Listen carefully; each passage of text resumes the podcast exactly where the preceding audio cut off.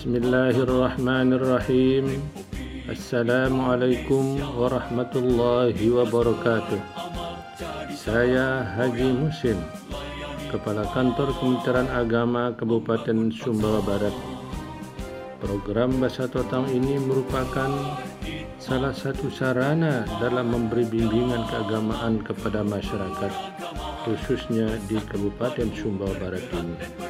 Semoga kiranya program Bahasa Totang ini bisa diterima dan bermanfaat bagi masyarakat. Selamat menikmati. Wassalamualaikum warahmatullahi wabarakatuh.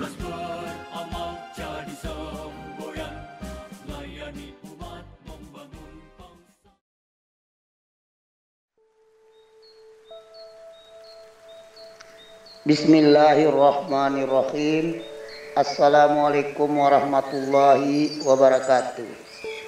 Dalam kesempatan ini saya ingin memperkenalkan diri. Nama saya Solihin HS, penyuluh agama non PNS dari Kabupaten Sumbawa Barat, Nusa Tenggara Barat.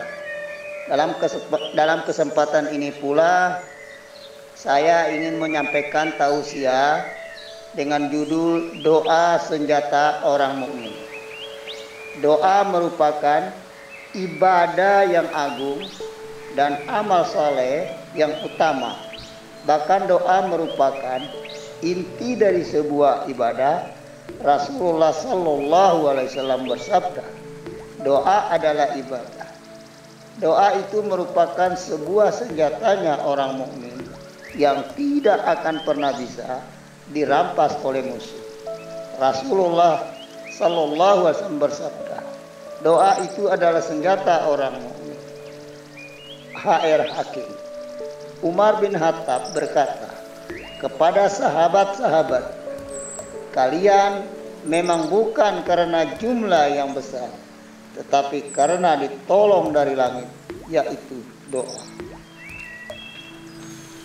Lebih-lebih Allah Subhanahu wa taala telah menegaskan di dalam firman yang artinya dan Tuhanmu berfirman berdoalah kepadaku niscaya akan kuperkenankan bagimu.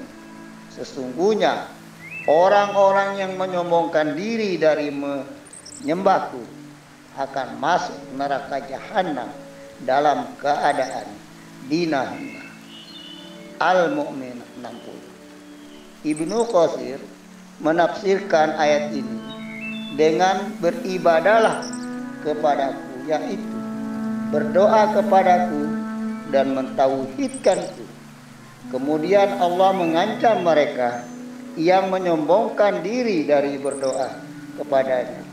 Maka Allah Subhanahu wa taala akan memasukkan mereka keadaan ke dalam neraka jahanam dalam kondisi hina dina dan kecil.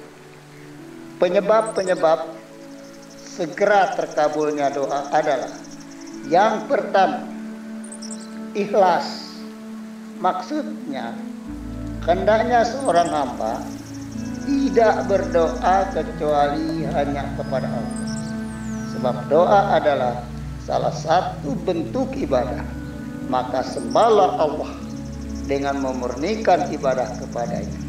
Meskipun orang-orang kafir tidak menyukai Al-Mu'min 14 Ibnu Abbas meriwayatkan bahwa Rasulullah SAW bersabda apabila kamu meminta maka mintalah kepada Allah. Dan jika kamu memohon pertolongan maka memohonlah kepada Allah Subhanahu wa taala. Yang selanjutnya yang kedua, bersabar dan tidak tergesa-gesa. Abu Hurairah berkata, Rasulullah sallallahu alaihi wasallam bersabda, akan senantiasa dikabulkan doa seorang selama tidak tergesa-gesa.